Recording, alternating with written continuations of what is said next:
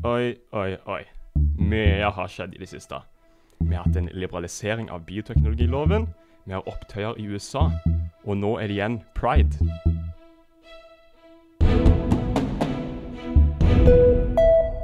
God dag, eh, god kveld, avhengig av døgnrytmen din. Eh, her sitter vi i det som vi har kalt og det som vi har valgt å kalle reflekterte lekmenn. Mitt navn er Rikard Bahari, men jeg er ikke her alene. Hvem er det jeg har med meg? Martin er òg her. Han uh, sitter ved din side. Og um, så er det òg en til her. Ja, hvor er han egentlig? Jeg skammer meg litt over at han er her, men Ja, det Er, tar er, du, er du her, eller er du ikke her? OK, jeg er her nå. Nei, eh, dere ville jo ikke ha meg på kamera, for at, Nei, du det så, så ikke ut. Og Ja. sånn. Så eh, jeg tenkte at eh, greit, så skal det ikke være sånn. Ja. Men du har ikke klart å snakke heller? Nei, jeg var heller ikke, tydeligvis. Jeg skal være sånn halvveis tekniker, men jeg Ja. klarte ikke å skru på min egen mikrofon. Du klarer så ingenting, du, Knut. Jeg klarer ingenting. Kanskje jeg bare, bare halvveis det ene, halvveis det andre. Ja. Ja. Men uh, reflekterte lekmenn, hvorfor heter det reflekterte lekmenn? Det lurer jeg jo på. Ja. Fordi at uh, jeg vil ikke påstå å være reflektert, for jeg vil eh, fremstå ydmykt. Ja. Eh, jeg ikke Jeg er heller ikke lekmann. Du? Har du Eh, noe å sette ditt forsvar? Nei, ja, jeg vet ikke om jeg går inn forbi kategorien som mann. Det er vel det som er problemet. Oi, hva er definisjonen på mann? Nei, jeg har hørt på han Danny Paul Washer. Og eh, etter hans standard så tror jeg ikke jeg måler opp. dessverre. Ah, må du ha drept en bjørn, da? Du må ha drept en bjørn Med- eh, ja, med bind for øynene. Og så eh, må du eh, slakte han uten kniv, bare med hendene. Jeg tror det er det som er, det som er greia. Interessant. Ja. Men uh, er det jo ingen menn her i hele tatt. Nei, dessverre.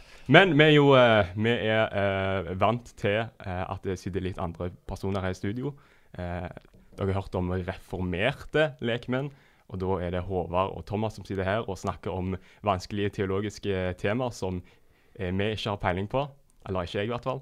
Eh, men eh, det her er et litt annet konsept. Det går ut fra, ut fra samme, samme greiene. Vi, skal, eh, vi bryr oss om teologi, eh, vi òg. Jeg òg bryr meg om eh, teologi. Men eh, vi ønsker å se på litt sånn nyhetssaker og ulike ting som skjer rundt omkring i samfunnet, ut ifra eh, et litt sånn kristent perspektiv. Et altså. litt kristent perspektiv, eller Ja, eller et, eh, et litt mer kristent perspektiv. Okay. Et veldig kristent, eh, Jeg- veldig kristent perspektiv. Jeg syns fortsatt vi burde gått for deformerte lekmenn, men greit.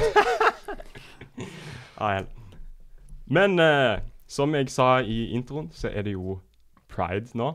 De kaller det på pridebånden. Ja, det, nei, det syns jeg ikke er greit. Det er juni måned Juni måned. fortsatt. Og dette her foregår, foregår jo hvert år. Eh, og eh, jeg vet ikke med dere, men eh, eh, jeg, får, jeg har fått litt sånn inntrykk av at det blir mer og mer for hvert år. Ja, jeg er enig. Det Mm. vokser. Det vokser, og det, nå er det litt sånn umulig å ikke få med seg at det er pride. Du ser det på, du ser pride-flagget mange plasser, og sånn, nesten sånn offentlige bygninger, eller eh, hotell, eller hva det skal være. Mm. Og så er det veldig mange som forandrer logoene sine til, eh, til sånn pride-flagger i, pride-flagger i denne måneden. Ja. Mm. Skrolle nedover Facebook og bli minner om uh, Noah-pakten hele tiden. Ja, det er kanskje ikke det som er tanken. Nei, kanskje ikke. Men eh, uansett, nå som, eh, nå som pride blir en, en større og større del av, av samfunnet, og vi også ser noen av disse tankene her eh, innenfor kirka, så er det jo liksom interessant å stille seg spørsmålet hvordan skal vi egentlig forholde oss til det her eh, som kristne? Og for at vi skal vite det, så tenker jeg at da er det jo viktig at vi vet hva er det pride egentlig står for. Um, og pride er ikke noe som kommer ut ifra ingen plass. Altså, det er en ting som feires uh, over hele verden. Men her i Norge eh, så arrangeres prideparadene sånn av organisasjonen FRI. Eh, så jeg har, vært inne på, på Pride Oslo sine nettsider for å, for å sette litt sånn OK, hva er det, hva er det egentlig vi ønsker her med, med, med denne festivalen, eller denne feiringen. Og det skriver de at Festivalen, altså Pride, eies og arrangeres av Fri Oslo og Akershus, og er for alle som bryter med normene for kjønn og seksualitet. Og den syns jeg er litt sånn interessant, eh, spesielt det her som har med, med normer og sånn. Eh, for innenfor det kristne verdensbildet så har vi jo, eh, har- jo ulike normer og tanker om hvordan en familie er, hva et ekteskap er, og seksualitet og sånne ting. og, og, og, og hvordan, det, hvordan, det, hvordan det er. Ja. Gud har åpenbart det. Mhm. Han som har skapt oss, har også fortalt oss eh, hvordan vi skal fungere, hva som er hans eh, gode vilje for oss, og hva som er um, hellig, og hva som er synd. Mm. Og ek, eh, ekteskapet mellom mann og kvinne er en sentral del av det. En mann og en kvinne som er født sammen under, eh, ja, under Guds velsignelse. Mhm. Og hvis en eh, går vekk fra det fundamentet, så eh, Da blir det opp til oss sjøl å definere hva som skal skje, hva som er rett, hva som er galt. Og med den normoppløsningen som de ønsker, så er det et angrep på den kristne tru, Mm. og på hva Gud har åpenbart. Og det er akkurat det vi finner i Skriften òg, at eh, folk raser mot Guds lov, og folk vil ikke ha det som Gud har satt, men de vil eh, være sine egne guder, bestemme sjøl hva som Mm. er det som er rett. Og da følger de sine lyster, og våre lyster er preget av en syndig natur. Ja. Så da går det fort på avveier, så blir det et, eh, et eh, vakuum der, sånn at eh, enhver kan gjøre det som er rett i hans egne øyne. Jeg har lyst til å se litt på eh, når man går i pride-tog, hva er det man egentlig eh, støtter. Og det her er jo noe som altså Pride det sniker seg inn overalt. Det sniker seg inn i, i, i bedrifter og, og, og, sånne ting. Så må du se på okay, hva, er det, hva er det man egentlig støtter da når man går i en pride-parade, eller når man, når man feirer pride. For det er akkurat som at uh, man har litt sånn, uh, eller blir lagt en litt sånn illusjon av at pride er litt sånn uh, at alle ideene der er veldig selvinnlysende det sier seg sjøl, og at det er nesten litt sånn nøytralt. Hvis man bare ser på den der definisjonen deres, altså de snakker om alle som bryter normene for kjønn og, eh, og, og seksualitet. Eh, og de har lyst til å løfte fram de. Og, og da, snakker de, eh, da snakker de ofte om skeives rettigheter. Og jeg vet ikke Hvis jeg hadde spurt deg, Martin, er du for skeives rettigheter, hva ville du sagt da? Og da ville jeg sagt Hva mener du med det? Ja, sant, for det er et veldig interessant spørsmål. fordi Når du sier er du for skeives rettigheter, så ut fra et kristent perspektiv så blir det på en måte feil å si både ja og nei. Fordi det som menes med skeives rett, rettigheter, er jo både det at man vil at alle mennesker skal ha, skal ha det godt og skal bli behandla med respekt, og disse andre tingene her. Og så viser man eksempler på der homofili kanskje er forbudt, eller der, folk, eller der eh, kvinner som, som går med mannsklær eller omvendt, og sånn, der de, de blir eh, trakassert og, og, og diskriminering som skjer. Ting som ikke er bra. Vi tar tar opp det som eksempel, og så sier du at det vil, det vil vi ikke ha. Vi vil jobbe for skeives rettigheter. Og jeg vil jo være enig i det, men jeg vil ikke kalle det for skeives rettigheter. Det vil jeg kalle for generelle menneskerettigheter, og, og at man skal elske sin neste, Mm. og, og, og, sånne ting. Da kommer vi litt tilbake til det du nevnte veldig kort for en liten stund siden. At språkdrakten de kler det her i, og som de tar eh, på seg når de går ut, er en språkdrakt som det er veldig vanskelig å være uenig i. Hvis du Mm. ikke går litt inn i dybden og prøver å finne ut hva, hva er det snakk om. Det er sånn som du, vi kjenner fra abortdebatten i USA. Hvis du sier er du mot pro-choice, er du mot at folk skal ha en fri vilje å ta sine egne valg, og så får de abort til å høres ut som noe som er egentlig bare en sånn eh, greie som alle bør akseptere. Mm. Og samme her, altså er du mot at det skal få lov til å være mangfold i samfunnet, og så de tar på seg en sånn språkdrakt som gjør at det blir vanskelig å si Nei, det blir den der 'Når har du sluttet å slå kona di?' Hvis du, hvis du går imot der. Da antar Ja. du allerede at du har gjort noe galt. Uansett hva du svarer, så blir det Mm. feil. Så en må gå litt dypere, og må gå forbi slagordene, og um, må finne ut hva det egentlig betyr. Ja. Og når jeg hører eh, ordet skeives rettigheter, eller det jeg har funnet ut, som det virker som man mener med, med det ordet, er også både det her som har med bare at man skal behandle hverandre med respekt, og de tingene som alle kan være enig i er bra, men man drar det, man drar det lenger. Altså Når det kommer skeives rettigheter, så, så vil du gjerne eh, se på ok, hva goder er det eh, hva goder er det folk som følger eh, de vanlige normene for kjønn og seksualitet har. Eh, for å gi et eksempel, så Hvis du har et heterofilt par, så kan de få unger. Og så, så vil du si at OK, ja, men eh, hvis de kan få unger, så bør jo eh, andre, andre parsammensetninger òg kunne få unger. Og Da kommer vi tilbake igjen til noe som du nevnte i går, Rikard. Når vi snakket sammen, at eh, det er en forskjell på likhet i mulighet og likhet i utfall. Mhm. Så alle har den muligheten til å En mann kan finne seg kvinne, og de kan få barn. Det, utfall, det utfallet kommer av at mann og kvinne kommer sammen. Men uansett hvor mange ganger en mann og en mann har sex, eller en kvinne og kvinne har sex, så vil jeg aldri få et barn. Fordi at det er noe som mangler der. Mm. Men rettigheten er jo i utgangspunktet lik for alle. Ja. Alle kan finne en mann, eller alle kan finne en kvinne. Og så Eller det er ikke en rettighet, for så vidt, da. men uh, muligheten. Mm. Men utfallet det bestemmes av biologien. Ja. Men i dag så med vår uh, teknologi og sånt, så eh, finner vi oss på en måte veier rundt biologien. Eller det gjør vi ikke, men vi finner andre måter å Vi finner andre måter som ikke er den, er den naturlige måten, om du kan si det på den måten. Ja. en, og det her er jo litt sånn problematisk. Altså det er en problematisk måte å, å, å, å tenke på, men så, og når vi ser fra kristent perspektiv, så åpner det for ting som er litt sånn problematisk. Hvis vi skal tenke at målet er likhet i utfall. For det man ønsker, altså det som denne frasen 'skeives rettigheter' virker, som meg, at, virker for meg, altså det, det inntrykket jeg får, er, er at man ønsker å få samme utfall, men på sine egne premisser. Mm. Eh, Hva hvis jeg hadde sagt jeg har lyst til å gi melk til en baby eh, via mine Det bare blir, blir litt rart bilde her. Men det, det har ikke jeg mulighet til rent fysisk. Nei. Da måtte jeg ha gjort et eller annet uh, kirurgisk inngrep. mhm. Så det er rett og slett biologien eh, går imot meg. Så eh, det, er ikke, det er ikke en rettighet som jeg har. Nei. Fordi jeg er mann, jeg har ikke den muligheten av uh, naturen. Så kan jeg ikke bare si det at for, fordi at ei gruppe har en mulighet og kan få et utfall, derfor skal jeg òg, i min posisjon, uavhengig av, eh, av eh, hva jeg velger, få det samme. Mm. Eh, for det som, hvis du leser på FRI sine sider, de, så de som står bak eh, Pride-festivalen, hvis du leser på deres sider, så kan de si at de eh, mener at eh, både sæddonasjon, eggdonasjon og altruistisk surrogati burde være lov, og at de bygger det på skeives rettigheter. Men der vil jeg si at når man skal avgjøre om eh, om disse andre tingene bør være lov, så bør vi ikke tenke på ja, men hva med skeives rettigheter? Da bør man tenke på er disse tingene her etisk forsvarlig i seg sjøl.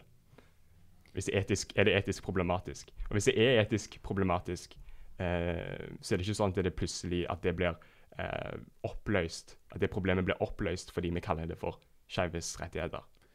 Og etisk problematisk ut fra hvilken standard, som òg står på min kopp.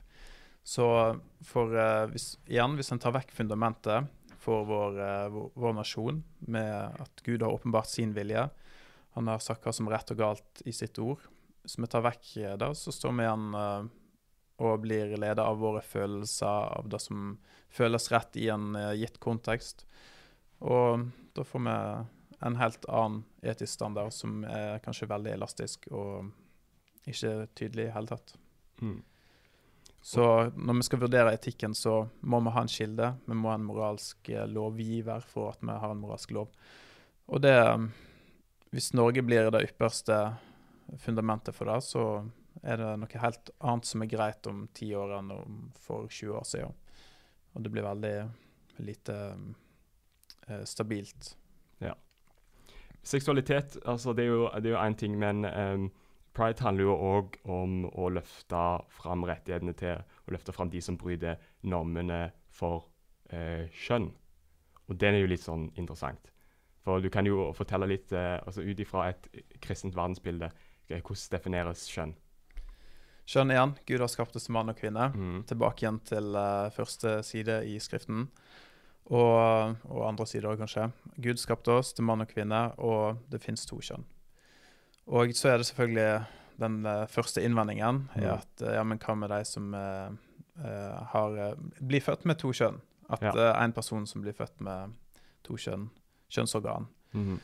uh, og da vil vi si at det er en misdannelse. Det finnes folk som blir født med tolv fingre òg, og én arm og sånt, men vi vil Mm. ikke si at det er det som er vanlig, og det som er Og når noen blir født med to kjønnsorgan, eller det som ser sånn ut iallfall, så velger deg jo ett av dem Ja. og får hjelp til det. Og Det er jo en ting jeg har sett nå i det siste, at det blir brukt som et sånn tydelig eksempel på at å se her, kjønn er mye mer komplekst enn en hva dere tror. Eh, og så er det jo en interessant problemstilling okay, hva gjør med de som der, der det virker å være eh, litt vanskelig å avgjøre hva kjønn er det her. Eller det virker som er dette her noe al al alternativt kjønn, eller hva det skal være, altså rent biologisk. Men, men man, man, tar, man, tar, den tanken, og så, og så, drar vi det så langt at du vil si nei, kjønn handler ikke om biologi i det hele tatt.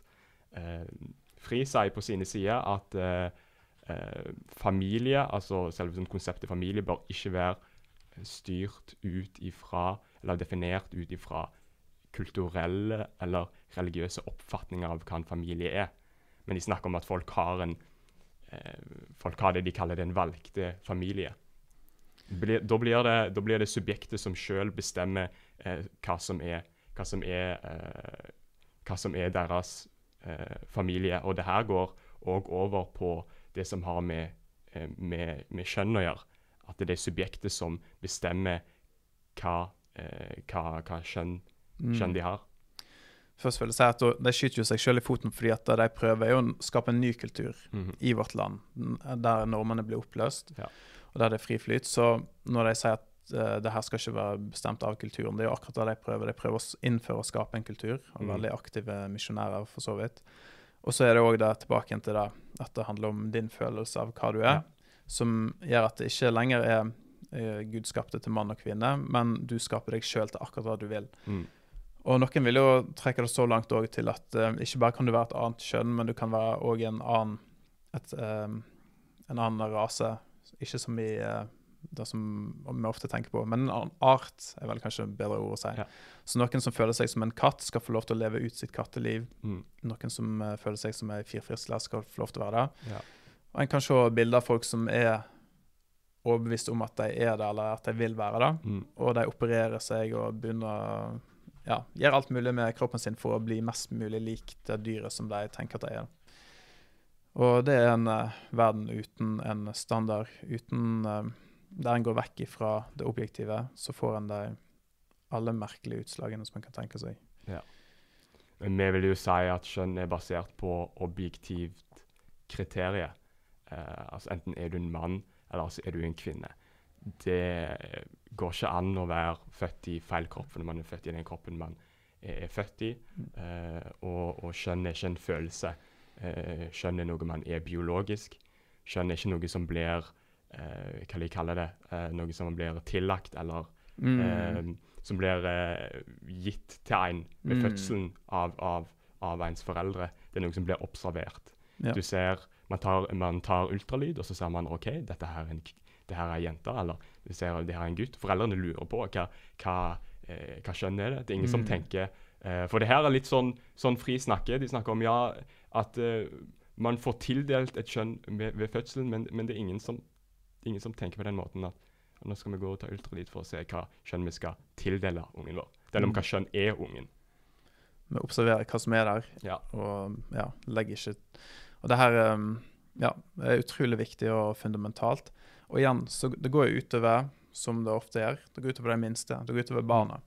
For hvis en har lyst til å forvirre et uh, barn, så kan en snakke på den frimåten og, og si liksom Nei, du, du, må finne ut hva du sjøl er. Og hvis barnet sier 'jeg er gutt', og sånn Nei, nei, nei, du må Hvor følger du deg hjemme? og sånt, Så blir det en form for opplæring som forvirrer barna, og som uh, kan føre til uh, forferdelige inngrep og sånt. Mm. Vi vet at folk skjærer av seg kjønnsorganer eller bryster for å bli det som de eh, tenker at de er. Ja. Mens de i stedet for å gjøre de her forferdelige inngrepene Hvis du nå, uh, Rikard, hadde sagt liksom Ja, kan du kutte av uh, fingeren min, eller et eller annet, så ville ikke jeg gjort det. Vel, da ville jeg heller hjulpet deg med ja. tankene dine.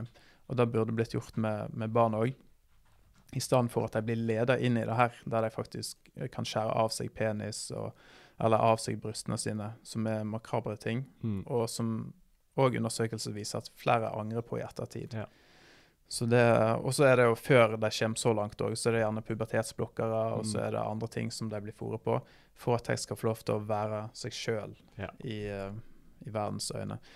Men det de burde fått hjelp til i stedet for, er nettopp det at de burde fått blitt bekrefta i sitt biologiske kjønn, mm. og fått uh, veiledning for å godta hvem de er. Og det er eksempler på det. Det er en som um, en liten gutt uh, som jeg hørte, hørte, om, som etter foreldrene fikk ei, ei um, datter, en baby Jeg fikk en baby, faktisk. Og det var ei, ei kvinne. Nå, nå roter jeg, jeg er litt trøtt, altså. Men uh, ja, de fikk ei babyjente. Mhm. Da har vi det på plass. Og så um, begynte denne gutten å identifisere seg som ei jente etterpå. Eh, ville kle seg i jenteklær, ville kalle seg for et jentenavn. Og seinere gjennom samtale så fant jeg ut at det var fordi at han gutten trodde at foreldrene bare ville like han hvis han var ei jente. For det, Ja. han hadde sett hvor masse oppmerksomhet uh, denne babyjenta fikk, og han ville da òg være ei jente, fordi at da ville foreldrene elske han og Mm. bry seg om han. Så gjennom samtale så fant jeg ut det her, og så ble det klarna opp, og så slapp han å gjøre alle de inngrepene som av og til det her leder til. Um, men ble, fikk hjelp gjennom uh, samtale og sånt. Og det tenker jeg, sånn burde det være. Ja, Kan jeg legge til at uh, studiet viser at 65-94% av folk som, eller barn som uh, går gjennom den fasen at de ønsker å identifisere seg med et annet kjønn, eller de i kjole, eller noe sånt, Mm. vok gjenger- vokser ut av det. Og da kan man bare tenke seg hvor skadelig Ok, vi tar, Hvis vi ser at det er 65% den minste prosentandelen og Dette er ikke en studie som er utført av kristne fundamentalister, eller noe sånt. Um, så ja. Det er superproblematisk. Og også Mm. selvmordsprosenten blant uh, transpersoner er uh, vel 41% Høyere. Eller ikke selvmordsprosent, men folk som prøver, selv, utfør, prøver å utføre selvmord. 41% er helt enormt. Jeg tror, uh, Hvis du bare tar folk som har tenkt på at ok, det hadde vært greit å bare gjort slutt på ting ikke sant? Ja. Det, det, Den er nok mye høyere i den generelle befolkninga, men folk som faktisk har prøvd å tatt selvmord på et punkt i livet sitt, 41 blant eh, transpersoner. Og det er bare en, det er en studie som ikke folk på en måte vil snakke om. Mm. Og eh, eh, så av og til så kan det virke som at vi som kristne som er ganske tydelige på når det kommer til sånn kjønnsideologi og sånt noe, Mm. at vi er ganske sånn eh, Vi bryr oss ikke om de som personer, men uh, ut ifra de studiene og så videre, så ser en jo at det er det som ofte er det beste. Å være konservativ på dette punktet og ikke fylle barn med hormonblokkere osv. Ja. Det Ja. Og du ser hvor destruktiv, destruktivt det er. Du ser eh, hvordan eh, de kutter av seg ting, du ser hvordan barn blir ødelagt. Og det burde ringe ei bjelle òg. Og det her underbygger jo bare De statistikkene som du hadde, Knut, underbygger jo bare det. Hvor destruktivt det er. Det her er Mm. ikke noe som er godt, det er ikke noe som kommer fra Gud, men det er noe som eh, kommer fra vår syndige natur, som kommer fra en verden som er falt. Men eh, det Vi må jo bare punktere at eh, vi forstår at eh, kjønnsdysfori, altså at man har eh, problemer med sitt biologiske kjønn, eh, at det er en reell ting. Altså, det er jo en ærlig sak, det, men spørsmålet er hva gjør vi med det? Og er det sånn at man kan si at eh, når noen føler på det, når de, når de sier 'jeg føler meg ikke eh, tilfreds med den kroppen jeg har, med det kjønnet som jeg har', eh, kan man da si at ja, det, det, det, er fordi, eh, det er fordi at du har identifisert deg med feil kjønn. Skal vi bekrefte den tanken de har eh, om, at, eh, om at de er født i feil kropp, eller, eller skal vi si nei, eh, du har den kroppen du har, og, og det er bra. Du har det kjønnet du har, eh, og, og, og det er bra. Og med, med, disse herne lovforslagene som ble prøvd å, de prøvde å stemme fram eh, før, før, før jul, så prøvde de jo å eh, forby konverteringsterapi som hadde gått utover det her. Der det kan bli eh, direkte, altså det kan bli forbudt å prøve å overbevise noen om at eh, nei, den kroppen du har, eh, nei, det skjønner du har, det er faktisk fint. Du trenger ikke, du trenger ikke endre på det. Og så er det også et spørsmål hvor masse makt skal vi gi til individet, og ikke minst til små barn som eh, tre, fire, fem, seks år gamle, etter de har blitt forvirra av eh, noen forvirra voksne. Hvor masse makt skal vi gi til individet? Er det bare i kjønnsspørsmålet at en skal få lov til å definere seg sånn som en vil, eller skal en òg få lov til å definere seg sånn som en vil i andre spørsmål? Hvis jeg identifiserer meg som en kinesisk eh, mann på 1,96, skal jeg få lov til det? Mm. Og da er det mange som sier, hvis jeg hadde kledd meg i kinesiske klær, at nei, det der er et hån mot uh, de som faktisk uh, Mm. bruker den klesdrakten. Å ja, så jeg får ikke lov til å identifisere meg med en annen kultur, men med et annet kjønn, da er det greit. Ja. Og, så hvor går grensa for hva en skal få lov til å identifisere seg sjøl som? Mm. Um, så det Ja, Knut Olav identifiserer seg som Supermann. Jeg sier at det er ikke sant. Det, Mm. Ja, det er ikke det stemmer ikke med realiteten. Mm. Men hvor langt skal en gå i den subjektive Hvor langt skal en få lov til å forvrenge virkeligheten for å oppfylle en eller annen um, følelse i meg av eh, tilfredshet, eller at ja, nå blir jeg anerkjent for det jeg er, eller nå ja, er jeg det som Mm. jeg virkelig føler meg som. Så nøkkelen her er, og det vi vil si, vi vil si at det er ikke følelsen vår som definerer hva sannhet er. Så selv om du ikke føler deg tilfreds i, med, med det kjønnet du har, eller selv om du vil si at jeg, jeg føler meg som et annet kjønn, betyr ikke at du er det. Fordi Mm. kjønn er basert på ut fra et kristent verdensbilde, objektivt kriterium, altså biologi, fordi det går tilbake til sånn Gud har skapt verden i, i, i, fra starten. Men FRI de er uenig i det her, eh, og de eh, ønsker å innføre en tredje kjønnskategori for de som ikke helt føler seg eh, eh, Som mann eller kvinne. Som ikke føler seg som, som mann eller kvinne. Og så skal det òg være eh, lettere å, eh, å bytte kjønn, og alle disse tingene her skal være mer tilgjengelig. Mm. Og det, det tror jeg en, en, en del overser når de, eh, når de tenker på pride. De overser disse tingene her, og, og tenker på at pride handler om eh, handler bare om eh, kjærlighet, og folk skal kunne være seg sjøl, og på en måte disse tingene som høres utelukkende bra ut. Og så tenker man ikke gjennom implikasjonene, implikasjoner, om man kan si det på den måten, eller eh, tankene bak. Ja, og igjen, eh, hva verdensbilde har en? Fordi at hvis vi bare er resultatet av eh, den ingen gud, vi er bare resultatet av kjemiske prosesser, en evolusjonsprosess prosess som har gått over millioner av år, og hvis det, hvis det er virkeligheten, OK, da, da skulle en jo tro ja, skap deg til der du er. Bare gjør det du vil. Kutt av Mm. deg en arm, eller hva du måtte gjøre. Det fins ikke noe som er objektivt rett, eller noe som er objektivt galt. Eh, Du må være din egen lykkes med, du må skape din egen mening, du må skape din egen moral. Så ut ifra et sant verdensbilde, som er et veldig dystert og dystopisk verdensbilde, så OK, da kan en forstå tankegangen. Men ut ifra det kristne verdensbildet, som at vi er skapt i Guds bilde, og det tror jeg gir gjenklang i veldig mange, at mennesker har en verdi, at vi har en samvittighet, vi er ikke bare et resultat av eh, en uguida prosess og kjemiske reaksjoner og sånt, så, så blir det her helt og totalt feil. Og grunnen til at vi kan gjenkjenne kaoset i det her, og at det her er noe som ikke er bra, er jo òg, vil jeg si, fordi at vi har en samvittighet som Gud har gitt oss. Så når en eh, snakker om noe som å kutte av seg et kjønnsorgan, så eh, vil folk skjønne at det her eh, Eller om folk vil skjønne det, er jo et eh, godt spørsmål. Men iallfall veldig mange vil skjønne da, at det her er ikke rett. Det her er ikke noe som er godt i seg sjøl. Så verdens, det er en krig mellom verdensbilder Mm. som det her kommer tilbake igjen til. Men så ser vi jo at eh, pride det sniker seg eh, litt sånn inn eh, overalt. Eh, når det er sånn at man òg prøver å få kommuner til å være med på, på, på det her og feire pride. Det har, har jeg hørt liksom spesielt nå pga. korona og sånn, der man ikke kan ha prideparade og, og alle disse tingene. Så ønsker vi å gjøre pride synlig, og da var det en, en talsperson da, ifra, eller en representant fra FRI som sa ja, vi ønsker å få med oss kommune på det her.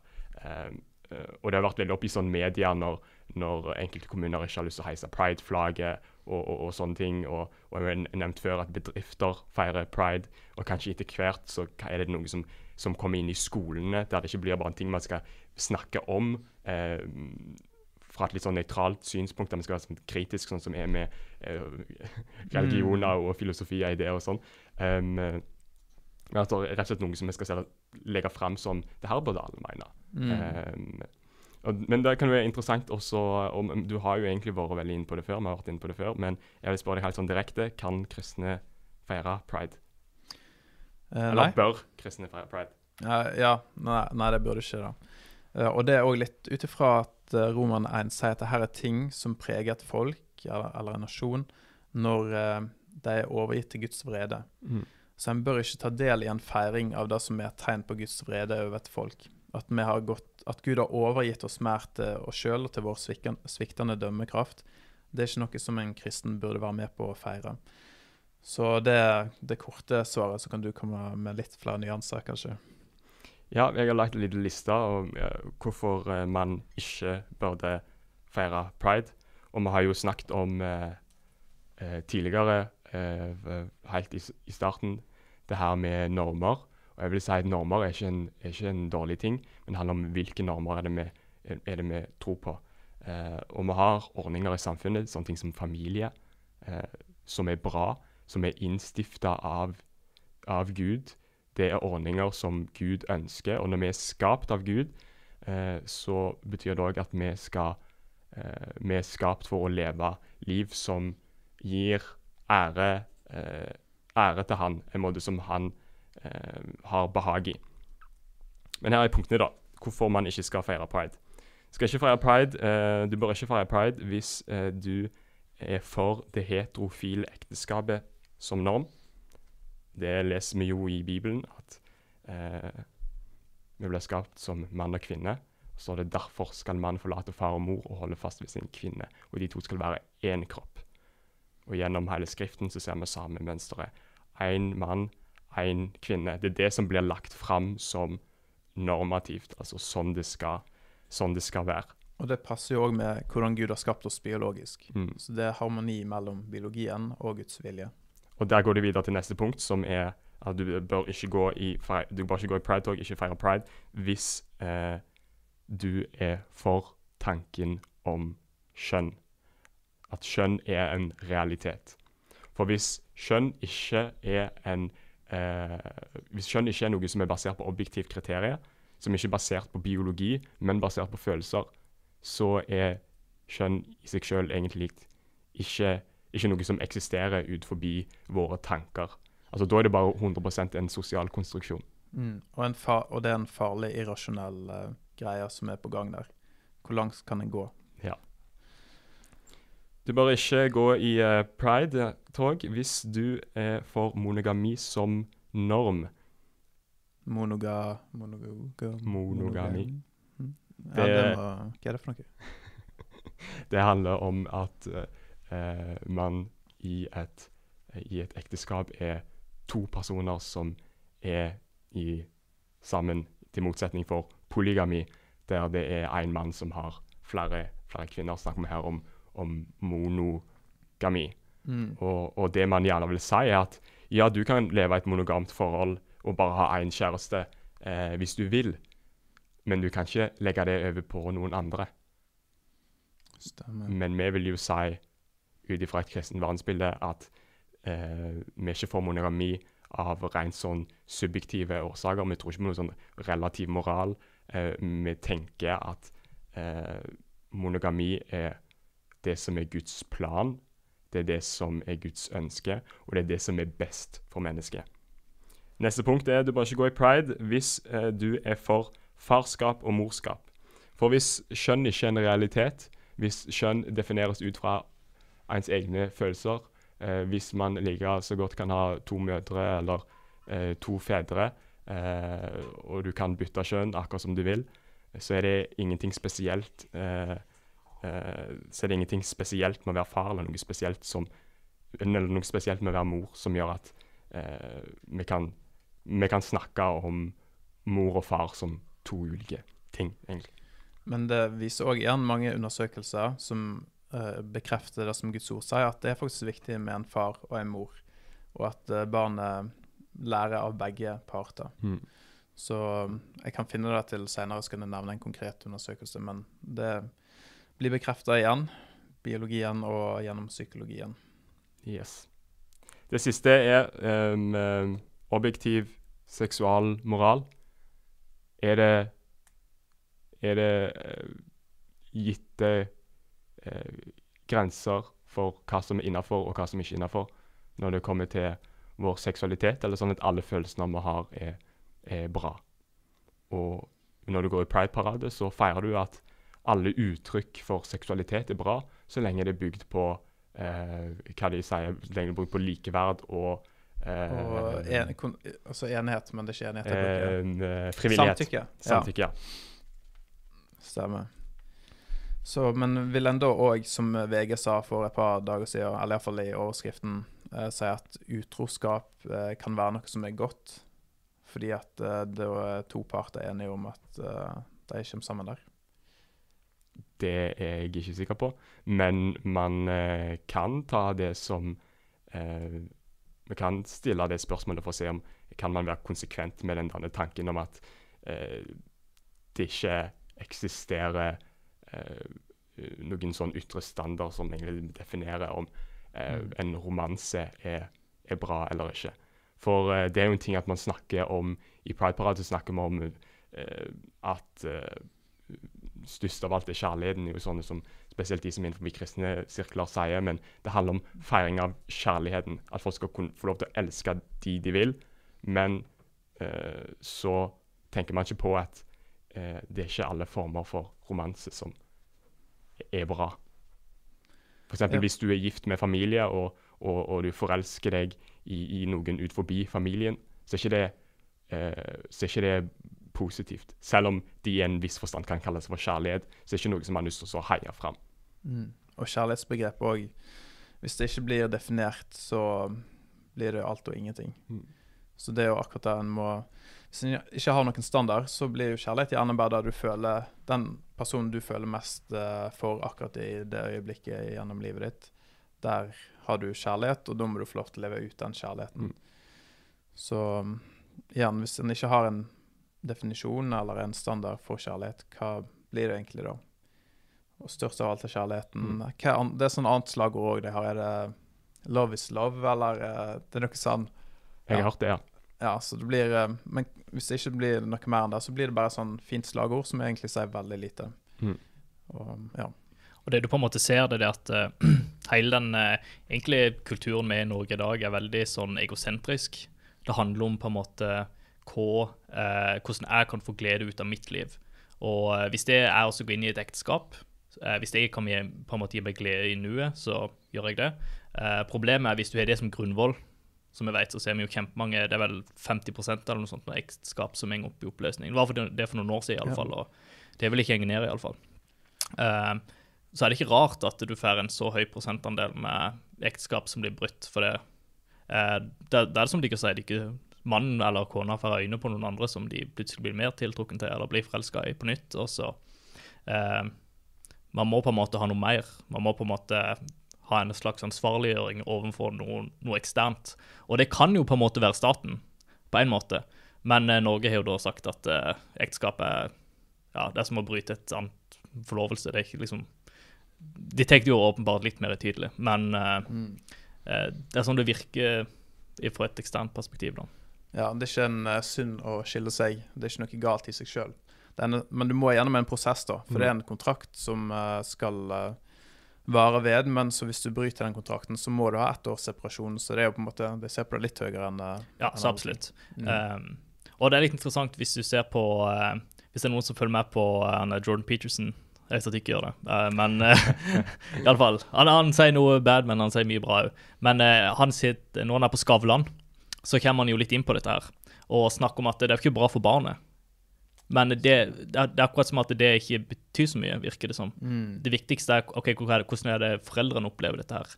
Og eh, i en, vi lever i en, på en måte, et land der eh, kulturen på en måte sier at eh, barna er det viktigste. Hvis de ønsker, hvis de føler seg som en kvinne, så skal de få lov til å få hormonblokker osv. Mm. Men eh, det virker som at det handler om en sånn en momentant glede. Jeg ikke, klarer ikke å se ti år fram i tid, eller klarer ikke å eh, tenke på ting litt mer i dybden enn bare sånn overfladisk. Um, Ja. Mm. Så for å oppsummere litt også, eh, kan vi si at Gud har skapt verden på den måten han har skapt verden på av en grunn, fordi det er det som er, er, er best. Og pride er samtidig som de sier de eh, ønsker å eh, jobber for eh, ting som høres utelukkende positivt ut, så eh, går de òg til angrep på etablerte ordninger både i samfunnet og på ordninger som er basert på altså, sannheter i det kristne verdensbildet. Så det er ikke en ting som kristne burde feire. Men det er noen som prøver å få disse ideene inn i kristenheten allikevel.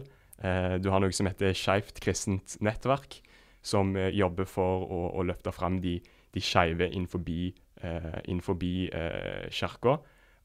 Og jeg lurer på om jeg har lyst til å ta en egen episode en gang og bare snakke litt om det og de argumentene som blir lagt fram der, for det er ganske interessant. Men det jeg kan si nå, i hvert fall er Jeg har, jo sett når jeg leser i dagene sånne ting, at han, han lederen der snakker om at han ønsker å, å, for å ha dialog med, med trossamfunn. Eh, Og jeg håper virkelig eh, ikke at eh, de trossamfunnene som han har dialog med, at de er såpass naive at de tror at det her kommer bare til å være eneste de ønsker å bare ha en, en, en fin eh, dialog. Altså dialog er greit, men det handler de ønsker å komme inn og, og endre på tankesett og, eh, og egentlig reformere. Og gjøre gjør stor endring i, i eh, hvordan man tenker rundt det. Ja. Endring i samfunnet generelt. Familien, eh, kjernefamilien og basert på det heterofile monogame ekteskapet. Det er en samfunnspilar. Den vil de oppløse som norm. Og så eh, i kirka så vil de òg ha inn en helt annen bibelforståelse, en helt annen teologi. Noe som Skriften sjøl sier at um, de som uh, lærer sånn, skal en ta avstand fra i Romane 16 over 17. Og i 1. Korinterne kapittel 6 vers 9 og 10 så står det at uh, blant annet at menn som lever med menn, skal ikke arve Guds rike. Og det er noe som de vil innføre, så igjen vil føre til ødeleggelse. Både i dette livet og i, når vi skal stå foran Gud. Så det er jo egentlig en tragedie. Og, men samtidig som jeg sier det, så håper jeg at noen uh, møter han med å snakke med han ut uh, med en kjærlig uh, innstilling Mm. til han, og si hva som står i Skriften. Ja. Sier disse tingene, så kan det sikkert høres litt uh, hardt ut, men vi vil jo møte folk med respekt og snakke med dem og lytte til hva de har å si. Og, så en må ikke tenke at pga. at vi står uh, fast på det som Gud har Mm. overgitt til oss, så er vi ikke villige til å lytte på andre, eller uh, vi bryr oss absolutt om andre. Men det vi må ha, vi må ha en samtale som går forbi eh, det vil si de litt sånn billige klisjeene, og se på OK, hva, hva, eh, hva slags ordninger er det vi har innenfor det kristne verdensbildet? Eh, Hva vil det si at Gud har skapt verden? Eh, og, og når det kommer til bare sånn filosofi, sannhetsforståelse, er det noe som heter objektiv moral, er det noe som heter objektiv sannhet? Og, og hvordan passer det her i sammen med, sammen med pride? Så jeg Mm. håper jo at det at hvis de går i dialog med trossamfunn, at, at, at de eh, klarer å, å se litt igjennom de klisjeene om bare vi har lyst til å jobbe for skeives rettigheter og sånn, og så se på eh, hva jeg vil si egentlig er, er tingen. Se gjennom klisjeene Mm. og uh, tørre å ha litt ryggrad, ikke være en geléklump. Ja. Fordi at eh, du kan bli veldig pressa hvis du ikke heiser det pride-flagget, eller hvis du ikke går med på det. den eh, tankegangen. Da må du omvende deg. Så det har vi fått høre før. Ja. Så en må ha ryggrad òg til å tørre å si noe annet enn det som de presser en til å skulle si. Ja, Men jeg, jeg mistenker at eh, mesteparten av publikum vårt nå er folk som kanskje er enig med oss. Men hvis det skulle være noen som tenker at dette her er helt på trynet, hva er det evangeliske svaret? Hva, eh, hvis en skulle sitte og ha de følelsene som vi nå har sagt at det er gale, osv., eh, for å sette det litt på spissen. Eh, hvorfor skal en gidde å bli kristen, egentlig? Hvorfor Ja, Det er li lite sidespor, men jeg tenker at det er lurt å ja det, det er fordi at uh, Gud har skapt oss, og han eh, har uh, Hans vilje er den beste for oss, og vi er skapt, som du nevnte tidligere, til å ære Han. Og, men det er mer med våre liv, Uh, det at vi synder mot Han som har skapt Mm. oss, og vi undertrykker den sannheten som Han har åpenbart for oss. Så vi har synder mot Gud, og vi fortjener derfor rettmessig straff.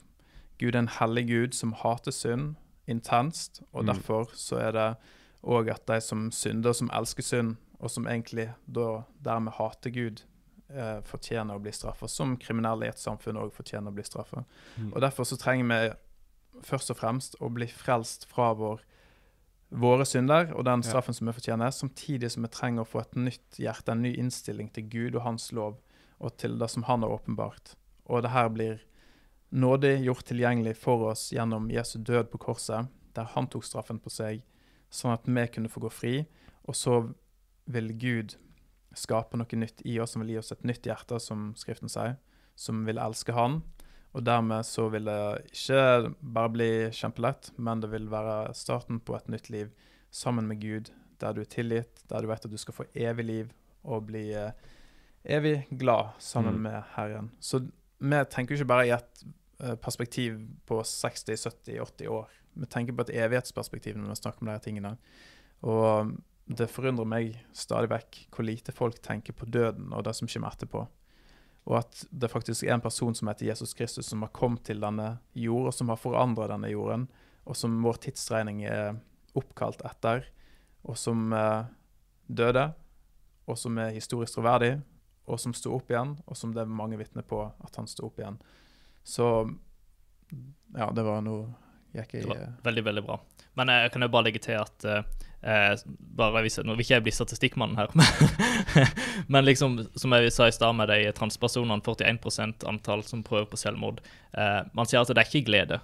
Vi kan snakke, Når vi som kristne snakker om å finne glede, snakker vi om fullendt glede. Vi snakker om en, en glede som er total. Eh, en glede som ikke har en ja, grunn som er lagd av sand, om jeg kan si det sånn. Den er lagd av fjell.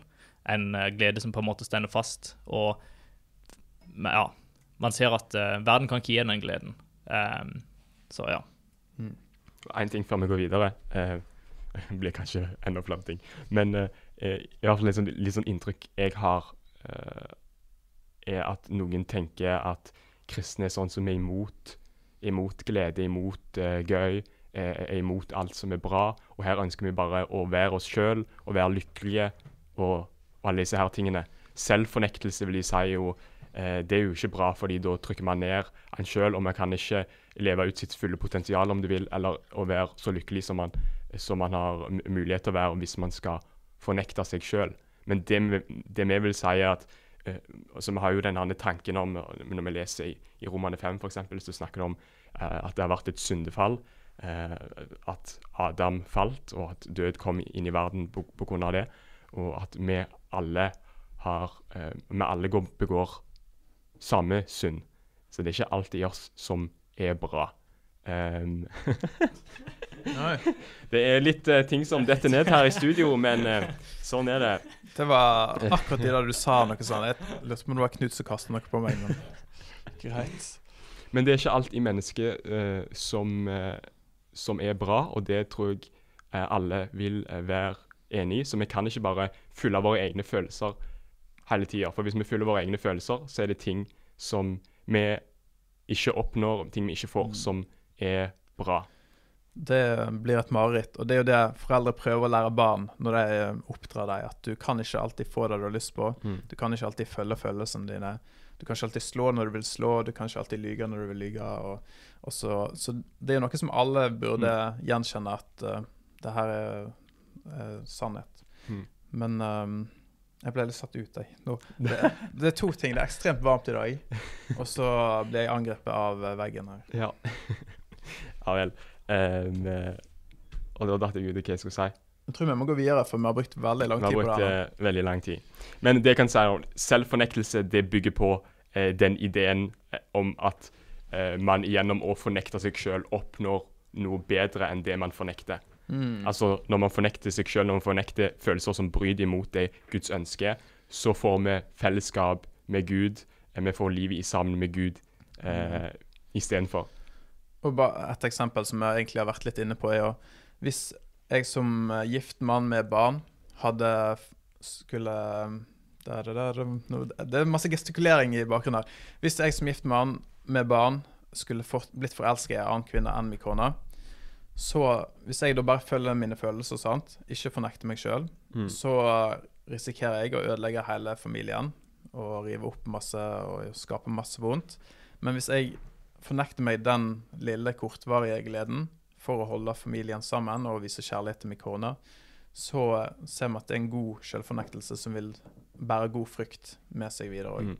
Så det er bare et sånn konkret eksempel der en ser at med å fornekte seg en liten glede, så kan en oppnå en masse større glede. Neste tema. Neste tema.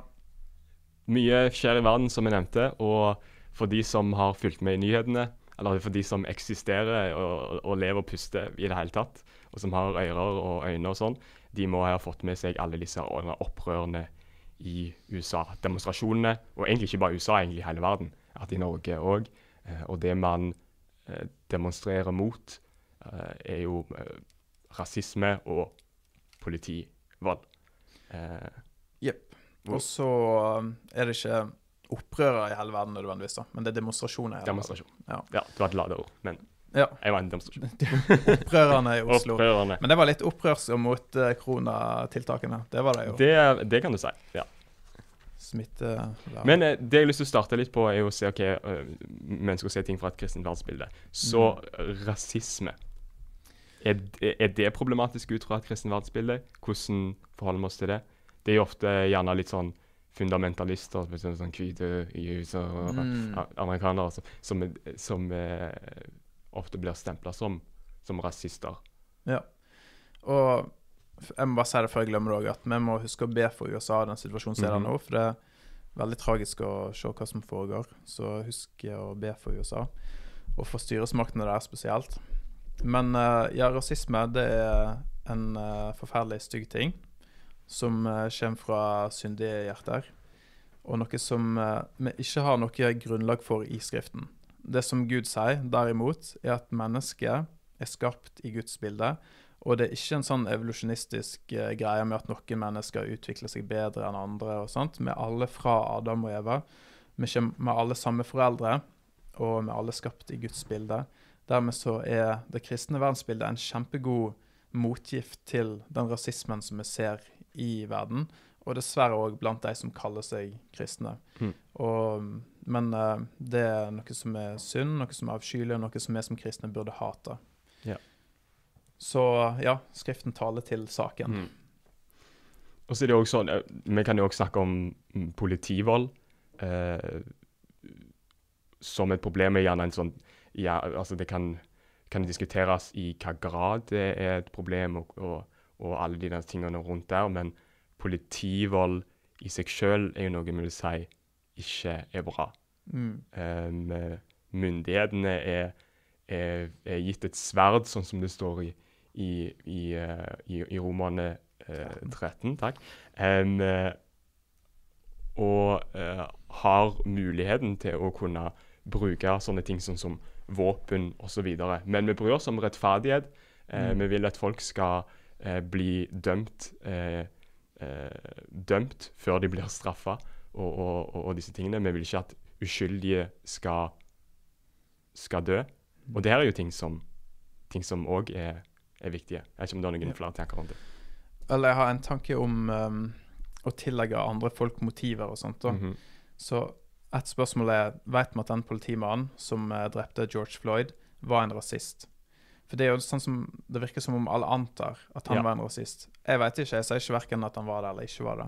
Mm. Men det jeg vet, er at han eh, gjorde noe som var forferdelig, Ja. noe som var galt, og noe som han bør holdes uh, ansvarlig for, som Mm. du sa. Han bør dømmes uh, for det her. Og så Men det blir Jeg føler ofte at en eh, tillegger folk motiver, og en antar veldig masse. Vi lever i antagelsens tid. Antagelsens tid, ja. Og det, vi antar ting som passer med vårt narrativ, med Mm. vår forståelse av virkeligheten. Så når en eh, svart politimann skyter en hvit, eller skyter en annen svart, så er det veldig lite om det i nyhetene. Ja. Men når en hvit politimann skyter en eh, svart, så blir det veldig blåst opp. Mm. Eller som, om ikke skyter, gjør en eller annen form for vold da, mot denne personen. Så Ja. blir det veldig blåst opp. Og en, eh, uten å vite motivene til den onde politimannen, så sier en veldig fort rasisme. Mm. Og det, det er sånn antakelse som eh, vi burde spare oss for, så sant vi ikke vet at, uh, hva som er fakta, men da er det ikke lenger en antakelse. Ja. Så det er med på å fyre opp under eh, konflikter og ting som allerede ligger der, som er sårt i USA, Mm. og som forverrer situasjonen når en eh, bare antar og skriver sånn uh, at det her er rasisme. Mm. Rasisme er ondt, jeg sier det igjen. Ja. Vi som kristne tar avstand fra det. Men jeg vil oppmuntre til varsomhet i å anta hva folk sine motivasjoner er for Mm. det er. Og det vi har sett her under, eh, under disse demonstrasjonene, er at det er jo en svær eh, debatt rundt hele debatten, om du kan si det på den måten, rundt alt det som skjer. Eh, og jeg må tenke veldig mye eh, igjennom, gjennom det jeg ser på, på TV eh, og, og leser i nyhetene. Og så må jeg tenke og, og, og se okay, hvordan blir det her framstilt. Eh, for det er en ting jeg har sett veldig tydelig, spesielt nå, jeg har blitt enda mer oppmerksom på at eh, eh, aviser eh, legger fram det her veldig ulikt. Mm. Ulike folk legger fram det her veldig ulikt. Når når du leser i Fox News, så får du som en versjon. CNN er, er en annen versjon. NRK er, er, har òg sin egen vinkling. Mm. Så det er veldig mange sånn ulike måter å se det her på. Ja, og for noen er jo eh, Trump roten til alle problemer i verden. Og han er òg det store problemet i USA. Jeg sier ikke at han ikke er et problem, men uh, det, jeg leste en artikkel på VG som, uh, der Hanne Skartveit i VG skriver om Trump som det store problemet. og Bare vinklingen hennes er utrolig dårlig. En del uh, ting som hun enten ikke vet om, eller som hun utelater. Ja. Mens jeg vil si at en del av det store problemet er nettopp sånne nyhetsartikler som hun har skrevet, Mm. som fyrer veldig opp under et narrativ med at her er det en uh, president som egentlig fyrer opp under konflikten og heller bensin på bålet, som hun skriver, borte Ja. i USA. Og til en viss grad kan en si at han har tvetydige uttalelser som nettopp tjener til iallfall litt bensin på et bål. Mm. Men uh, ja, eh, hovedproblemet her er ikke det er enkelte politimenn som er korrupte, eller som er onde, Mm. og som ikke gjør det som de skal gjøre, ifølge sin eh, politietat. Og så er det opprørere som bare er ute etter å ødelegge, stjele og misbruke en eh, situasjon som har oppstått. Så det er over 17, og det her så jeg for kanskje en uke siden, 17 liv som har gått tapt i demonstrasjonene. Aha. Så det var e- ett liv i utgangspunktet, men det er 17 liv, og mer enn det nå, som har gått tapt eh, i demonstrasjonene. Som ikke involverer politi, mm. men som involverer opprørerne. Og så er det eiendom for over ja, mange milliarder kroner. som Hadde du et tall på det, Knut? Hvor, hvor mye som Du nevnte det i en samtale. Jeg tror det var sånn 400 millioner i én by. i En, by. det var enten Minneapolis eller Chicago. Ja, var- 400 millioner dollar, må vi Ja. påpeke. Mhm. Det er jo det er helt ekstremt. Og så er det utrolig Det var, hvis jeg husker rett, sånn 500 minoritets... ø, Eller 500 bedrif bedrifter som var ødelagt i enten Chicago eller Minneapolis. Og så Der det nettopp er de som en skulle på en måte uh, holde fram og liksom hjelpe fram noe som blir ødelagt som Mm. følge av de her protestene. Så det er masse i kjølvannet av det her som ikke er rett, som ikke Det er masse hat og masse synd som har kommet til overflaten. Ja. Um, mot det som egentlig burde være OK, en kunne protestert mot rasisme, selv om en ikke egentlig vet om det er rasisme som er opprinnelsen til eh, drapet på George Floyd. Ja. Men uh, greit, protester mot rasisme, men ikke driv og raser og stjel og drep hverandre. Mhm. Fordi eh, ja, det, det er masse sinne. Det vitner om det. Det er masse Ja. sinne, masse frustrasjon, og veldig tragisk. Så Mm.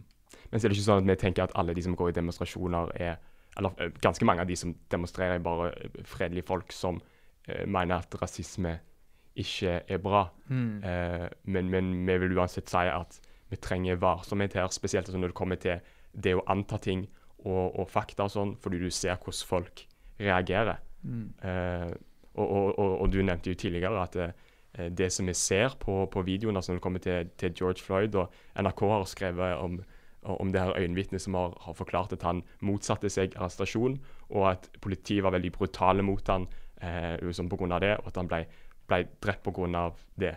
Eh, og så er det sånn at Politimennene de var hvite, og han var svart, og da leser man inn at da må det ha vært rasisme. Om de var rasister eller ikke, det vet vi jo ingenting om, men det er det som antas. Ja. Og da bygger det seg gjerne litt sånn illusjon om at eh, Ikke det skal si at det ikke er sant i det hele tatt, men vi er med på å bygge opp den tanken om at politiet er rasister. Eh, Og i kjølvannet da så blomstrer sånne organisasjoner som Black Lives Matters, mm, som ikke må eh, forveksles med slagordet Black Lives Matters. Vi tenker at uh, alle liv betyr noe. Vi skal til Guds, uh, Guds bilde. Så, men det er en organisasjon i USA som kaller seg for Black Lives Matters, eller en bevegelse, om du vil. uten Og- S-en, matter. Å ja, Black ja. Lives Matter, ja, for det er flertall i lives. Ja. Mm. Så Black Lives Matter. Og de har òg en faktisk litt sånn ideologi som pride, Mm. med at de ønsker en dekonstruksjon av eh, nesten hele samfunnet, tror jeg. Ja. Defund the police er de Mm. veldig på. Så på nettsidene deres kan du se der. Og ja, de sier det på, på nettsidene, så ja. ja, det er på blacklivesmatter.com. Så kan Aha. du bare søke opp det her, og da ser du at de har en sånn sign the petition, altså signer kampanjen eller et eller annet uh, mot uh, politiet. Nasjonal defunding, altså defunding på norsk, ta, frata midler Ja. av, eh, fra politiet og bruke det på andre, andre plasser. Og det er veldig problematisk. Det en eh, Det tror jeg vil skape enda mer eh, styr og forferdelige ting. Så denne organisasjonen den bør vi som kristne ikke uh, ta del i og identifisere oss med. Fordi at uh, Både pga. deres radikale kjønnsideologi, men òg Mm. At jeg vil gå vekk fra kjernefamilien og sånn som pride, men òg pga. at jeg vil egentlig dekonstruere de samfunnspilarene som er der, og som Gud har innsatt for at eh, vi skal ha ro og orden i samfunnet. Ja. Så det var litt eh, om det. Det var litt om det. Jeg hadde noe jeg tenkte på, men eh, når jeg hørte på deg, så glemte jeg det helt ut. Men hva med det. For at, OK, jeg vet ikke om jeg kan gå videre, men jeg bare nevner det, så får vi se hva det, om det tar opp denne ballen. Mm. Black Lives Matter, nå sa jeg rett, de, um, de hevder jo at det er rasisme i systemet i USA. Ja. Um, har det noen tanke om det? det? Hele deres organisasjon og bevegelse er bygd på det. At her blir eh, svarte um, behandla rasistisk, nedverdigende, av staten.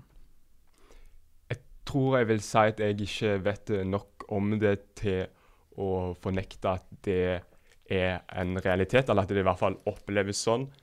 Eh, Men på litt sånn de taler som jeg har sett, og det som har blitt eh, For eksempel når jeg har lest NRK, når, når jeg har sett de tingene, så virker det som om det er litt sånn overdrevet. NRK har, har skrevet at eh, det er farligere å, å møte politiet som, som svart, altså mye, mye farligere, og at det er tre, større, tre ganger større sannsynlighet for at man dør i politiets varetekt som svart enn som hvit. Og det man bygger det på, er at man ser på hvor mange som blir drept av politiet, og eh, det er eh, sånn cirka likt, tror jeg, når det kommer til selve sånn tallet på hvem som ble drept av eh, politiet, altså hvite og svarte. Men så, men så ser man OK, eh, svarte utgjør jo bare 13% av befolkningen. Og så regner man seg ut til at OK, det er tre ganger større sannsynlighet for å bli drept av politiet hvis man er svart enn Mm. hvis man er hvit. Men så det, det som er problemet, er at man eh, eh, hopper litt til eh, konklusjoner om den måten. fordi man Mm. Det som, det som er vesentlig, er jo hva er motivasjonen bak? Hva, eller, hvorfor blir eh, Hvorfor er det sånn at flere svarte blir eh, drept av politiet? Mm. Er det fordi politiet er rasister, eller kan det f.eks. ha med at eh, kriminalraten, hvis det er et ord det går an å bruke, er høyere blant svarte? Mm. Eh, Det er et ord det går an å bruke. Og Mm. ja, spørsmålet er Eller igjen så er det tilbake igjen til det her med antagelsenes tid. For hvis vi ser OK, her er det eh, Jeg har faktisk tallene i hodet. Fra 2019 så var det 375 millioner møter mellom politi og de sivile. mm. Og det var litt over 1000 som ble drept av politiet. Og ca. 250 av dem var svarte. Så en fjerdedel av de som ble drept av politiet, var svarte. 75% var ikke svarte. Men eh, Så hvor var jeg på vei nå? Ehm, Jeg vet ikke. jeg mista tråden. Knut, nå er det på tide at du kommer inn. Sufflør. Knut. Så OK, la oss si at um, uh, tallet er 25% av de som blir drept av politiet, er svarte. Hvis det skulle vært rasisme Hvis en har den antakelsen om at da er det rasisme, Mm. hva med da de andre som blir drept, de 75 av uh, hispanic, white og andre asian Mm. hva enn det måtte bli. Hvorfor er det ikke rasisme da? Hvorfor skal vi anta at i de 25 da er det rasisme, mens i de 75 andre, der er det ikke rasisme? Jeg, jeg syns ikke vi burde anta i det hele tatt. Mm. Jeg syns vi burde se case by case og ta en vurdering ut ifra det. Og så er det òg at selv om det 20, eh, den afrikanske Nei, den afroamerikanske befolkningen Mm. eller svartbefolkningen i USA er 13% 13-14, så har de òg 40% av kriminaliteten Mm. i USA. Og dermed så skulle en òg forvente at de har flere møter med politiet og sånt enn en, uh, det som Mm. vanlige blankhvite. Så det er, mange, det er mange ting, men vi kan ikke bare anta ut ifra tallene, ut ifra hvor mange som blir drept, at Ja. dermed er det rasisme. Eller uh, vi må se på hvorfor de ble drept, faktisk. Mm. Og vi kan ikke anta at det var rasisme. Og det, det, det, eh, det kan på en måte sånn, høres litt sånn uh, dystert ut når du på en måte sier at okay, 13% av befolkninga utfører 40% av kriminaliteten i landet, men det er jo faktisk, der, er det jo litt av nøkkelen til å faktisk fikse problemet. Altså ehm, Jeg vet ikke om vi skal snakke så mye om det, men uh, faktum at uh, sånn Jeg tror det er sånn 70 uh, Hvis vi er moderate, skal vi si 60 av uh, mørke folk vokser opp uten fedre i heimen. Og det er krystallklart at hvis du vokser opp uten en far i heimen, så er du mye mer sannsynlig, er det veldig mye mer sannsynlig at du vil ende opp med å bli deprimert, du vil ende opp med altså, høyere sannsynlighet for at du blir eh, kriminell, at du er i fengsel osv. Så, um, så som kristne, da, eh, så vil vi jo si at OK, det begynner på en måte på heimbane. Og det begynner på et mye mer mikronivå enn å si at OK, det er politiet på toppen som er problemet. Mm. Det er litt som å ta plaster på et knekt bein. Eh, Denzel Washington, uh, den eh, kjente Hollywood-skuespilleren, han snakker òg om det. Og han sier det at eh, det store problemet, det er farløshet. Og underbygger det du sier. Han tar en uh, anekdotisk bevis for det her. Han snakker om seg sjøl og tre av kameratene hans. De tre kameratene hans var all, endte alle oppe i fengsel, eller har vært innom fengsel i hvert fall. Mm. Mens han gjorde det ikke. Og forskjellen på han og hans tre kamerater var at han hadde en farsfigur som var der. Og 70% farløshet, det er ganske enormt, og er pro der er det et stort problem. Så, men når vi har sagt det her eh, Det finnes eh, absolutt råtne epler, eller hva det heter, i eh, politikurven borte i USA. Men det finnes òg veldig mange svarte politimenn. Ja.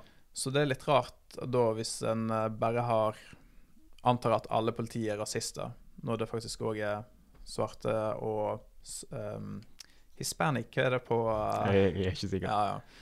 Iallfall uh, andre um, etnisiteter òg som er politimenn der Mm. borte. Og For eksempel så har en en uh, svart sheriff som heter David Clark, som debatterer Don Lemon på CNN. Og Han snakker òg om det her problemet med farløshet. Mm. Og han advarer òg veldig sterkt mot det her Black Lives Matter-bevegelsen. For han mener at det er med på å bare forverre ting. Mm. Så farløshet tror jeg er et nøkkelord. Rasisme er innblanda, og bare hat og folk som har masse sinne og frustrasjon. Så jeg tror det er mange, mange problemer her, og jeg tror at uh, narrativet som er ute nå, som blir veldig sånn fronta, der Black Lives Matter tar Og virker som det er arbeid i kul- kulissene, iallfall, det er med på å uh, forverre hele situasjonen.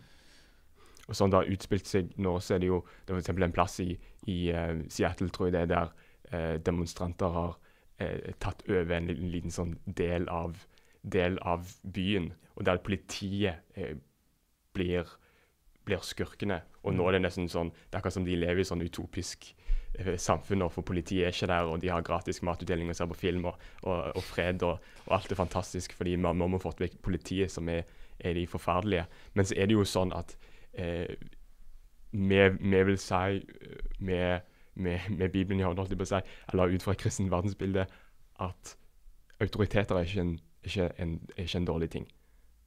Det er derfor vi blir bedt om, blir bedt om å, i, i, i Romerne 13 å underordne oss eh, og være lydige mot myndighetene, fordi de er innsatt av Gud.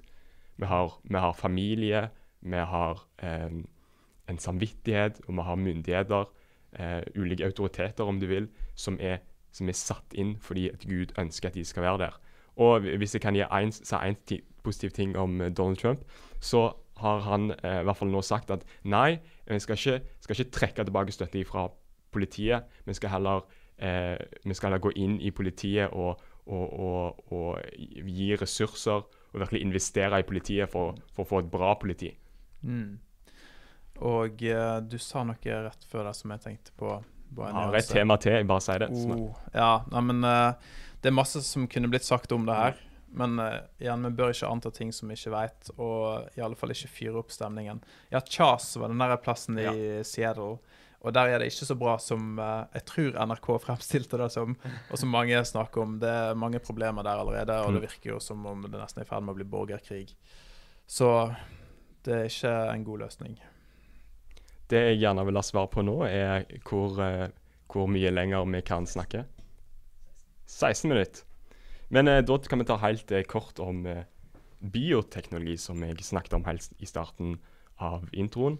Eh, jeg håper jeg har datoen rett nå. Jeg, har- jeg har skrevet det ned, men eh, det, det kan være det feil, men jeg håper det er rett. Eh, 26. mai eh, så ble det vedtatt at assistert befruktning av enslige, eggdonasjon, eh, den NIPT-testen og forskning og at forskning på befruktede egg skulle bli tillatt. Og det er jo veldig interessant. Eh, KrF var jo det partiet som var imot, Og det har vært, vært sånn ei god stund at eh, siden KrF har sittet i regjering og de har hatt flertall, eh, så har KrF, eh, for å bruke eh, Fredrik eh, Solvang sine ord Jeg liker han forresten, jeg, syns han er kul. For, å bruke hans, ord- eh, så har eh, KrF holdt resten av Stortinget liksom som gissel Mm. på, på akkurat det her ene punktet. Eh, men det var litt interessant også bare veldig kort å så eh, diskutere eh, litt disse her tingene. Vi har vært inne på noe av det før, med, med både eggdonasjon og, og, og, og, og sånne ting. Men det jeg har lyst til å, å starte, er med eh, det som har med forskning på befrukta egg. Hva tenker du når, når du hører det? Nå tenker jeg Veldig spennende å høre hva Rikard har å si om det. Nei, jeg, jeg tenker jo OK, bare for å uh, si litt, da. Så kan jeg si at når begynner et menneskeliv? Mm. Det er ikke, det er ikke et menneskeliv når du har ei eggcelle og ei sædcelle for seg sjøl. Men ved, for, ved befruktning så blir det et uh, menneske. Og det er den vitenskapelige definisjonen på et menneske. Igjen så er det viktig å forholde seg til de objektive realitetene og det som samstemmer med, med Guds ord. Guds ord og vitenskap sier at et menneske begynner når mann og kvinne kommer sammen, og det, det blir et befrukta egg. Mm. Og det er utgangspunktet. Det, her er det et menneske, så det må være utgangspunktet for hva vi gjør med det egget. Ja. Og et menneske har verdi. En skal ikke ta liv. Du skal ikke drepe, som er en av de ti bud. Må, det må være grunnlaget vårt. mange av altså alle disse herne, alle disse herne, eh, lovforslagene som nå har blitt vedtatt, de løfter jo fram en rekke etiske problemstillinger. Eh, men så har vi jo sett at altså abort det er lov i Norge. Eh, man kan eh, eh, ta abort, altså du har selvbestemt abort opp til uke tolv, som er allerede bestemt at et befrukta egg ikke er et fullverdig menneskeliv. Eh, Iallfall ikke har menneskeverd. som ja, eh, i hvert fall ikke har menneskeverd. Og derfor er befruktning Nei, og derfor er forskning på befrukta egg eh, ikke så problematisk som vi vil, Mm. vi vil si det. Og igjen så blir det veldig problematisk for deg å forsvare hva er det som skjer magisk trylleri etter uke tolv. Mm. Fordi at eh, allerede etter uke seks så er det de fleste organer sant, i funksjon i fosteret. Og mm, så det, det er veldig merkelig De setter kunstige linjer der på uke tolv. Og så til og med uke 21 eller 22 er det vel lov med spesiell eh, tillatelse. Du må vel innom en nemnd eller noe sånt. Men så det, det blir veldig rart når en først skal si at eh, først uke 12, da får det menneskeverd, eller litt menneskeverd, og så etter uke 21 eller 22, så får det skikkelig menneskeverd. Det blir en sånn kunstig skille Ja. uh, der som uh, blir problematisk for deg å være konsekvent. Så har de alle mulige sånne forklaringer. sant? Mm. Ja, det er ikke bevisst. Ja, OK, er det greit å drepe noen i søvne, da? Eller Ja. noen som er i koma? Og så er det mange sånne dårlige som du heller ikke kan være konsekvent på, dårlige forklaringer på hvorfor det er greit. Så her, jeg tenker her er det en plass der vi må kalle Norge til omvendelse. Jeg tenker at det her abortgreiene er demonisk. Du Mm. tar og river sunt babyer i mors liv, det som skulle vært den tryggeste plassen på jord. River armer og bein ut. Og i enkelte plasser i USA så er det jo inntil fødsel Mm. at det blir praktisert. Og hvor utrolig ondt er ikke det? Og så Og vi ser det samme i Det gamle testamentet, der det blir barneofringer til guden Molok, f.eks. I dag så har denne avgudsdyrkelsen kommet inn igjen gjennom abort og gjennom Mm. andre ting. Som for meg bare viser tydelig hvordan djevelen er virksom i de vantros sinn. Og jeg skjønner ikke hvordan noen kan ha fått aksept for denne ideen til å starte med. Men det er jo kanskje nettopp som i Hitler-Tyskland, at du dehumaniserer Mm. det som er mennesker, og så kan du rydde deg av veien etterpå. Så det, og der er det òg relevant med den tidlige ultralyden som uh, har nå kommet inn, den NIP-testen og der. Jeg tror ikke det er en ultralyd. Um, OK, jeg har skrevet tidlig Da har jeg skrevet feil. I alle fall uh, Hva er det, da? Diagnose uh, Ja. Men iallfall der de finner ut om uh, fosteret har kromosomfeil. Mhm. eh, trisomi 21, som er da Downs syndrom. så kan avdekke det.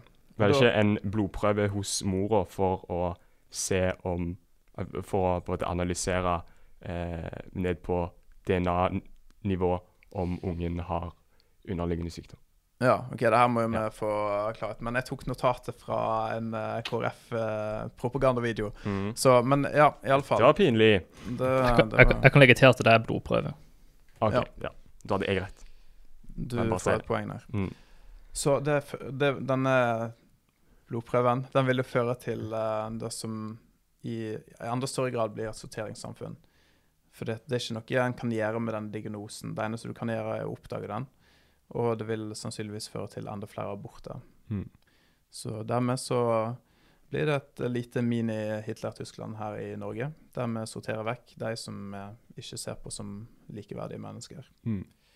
Og så er det ikke sånn at eh, Så er det ikke nødvendigvis sånn at eh, de mødre som velger vekk eh, barn, har nøyaktig samme eh, tanke som eh, det man hadde i Nazi-Tyskland, men det er det som i praksis blir utfallet.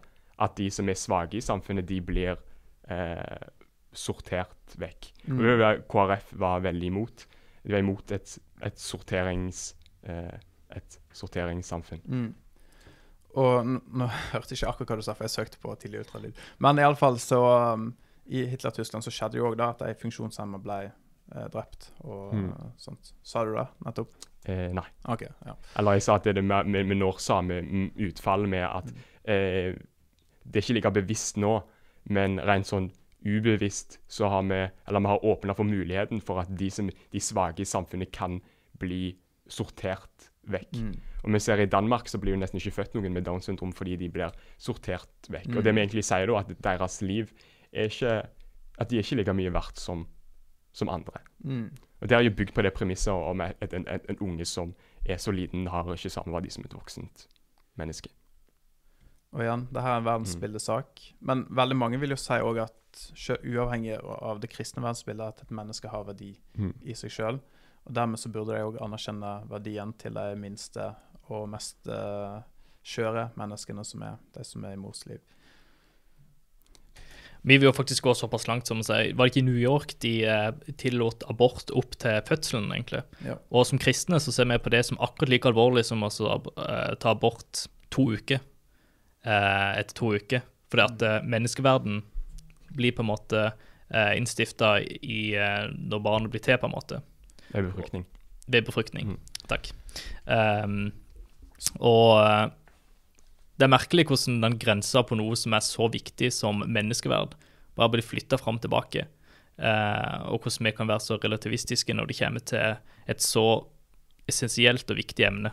For alt, liksom alt av politikk som vi utfører, alt av Black Lives Matters, eller uansett hvordan retning du på en måte gjenger, alt, bygge, alt skal egentlig bygge på menneskeverd på bunnen. Mm. Og eh, når, når vi er så ja, overfladiske og eh, relativistiske når det kommer til en så viktig sak, så er det underlig at ikke det er noen øyne som henger opp. Og, ja. Det var en bra avslutning, Knut. Det skal du ha. Planla tenkte du at jeg skulle avslutte nå? Ja, det er nå slutt. Nei da. Du er flink, Knut. Ja. Takk. Men ja, det har vært en veldig interessant eh, diskusjon, og vi håper jo at det blir flere sånne podcaster som, som dette her, eller podkastepisoder, som er mer korrekt å, å kalle det. Men vi har ikke helt funnet ut av formatet og hvor ofte eh, det blir, videre. Men følg med, så kan mye interessant skje.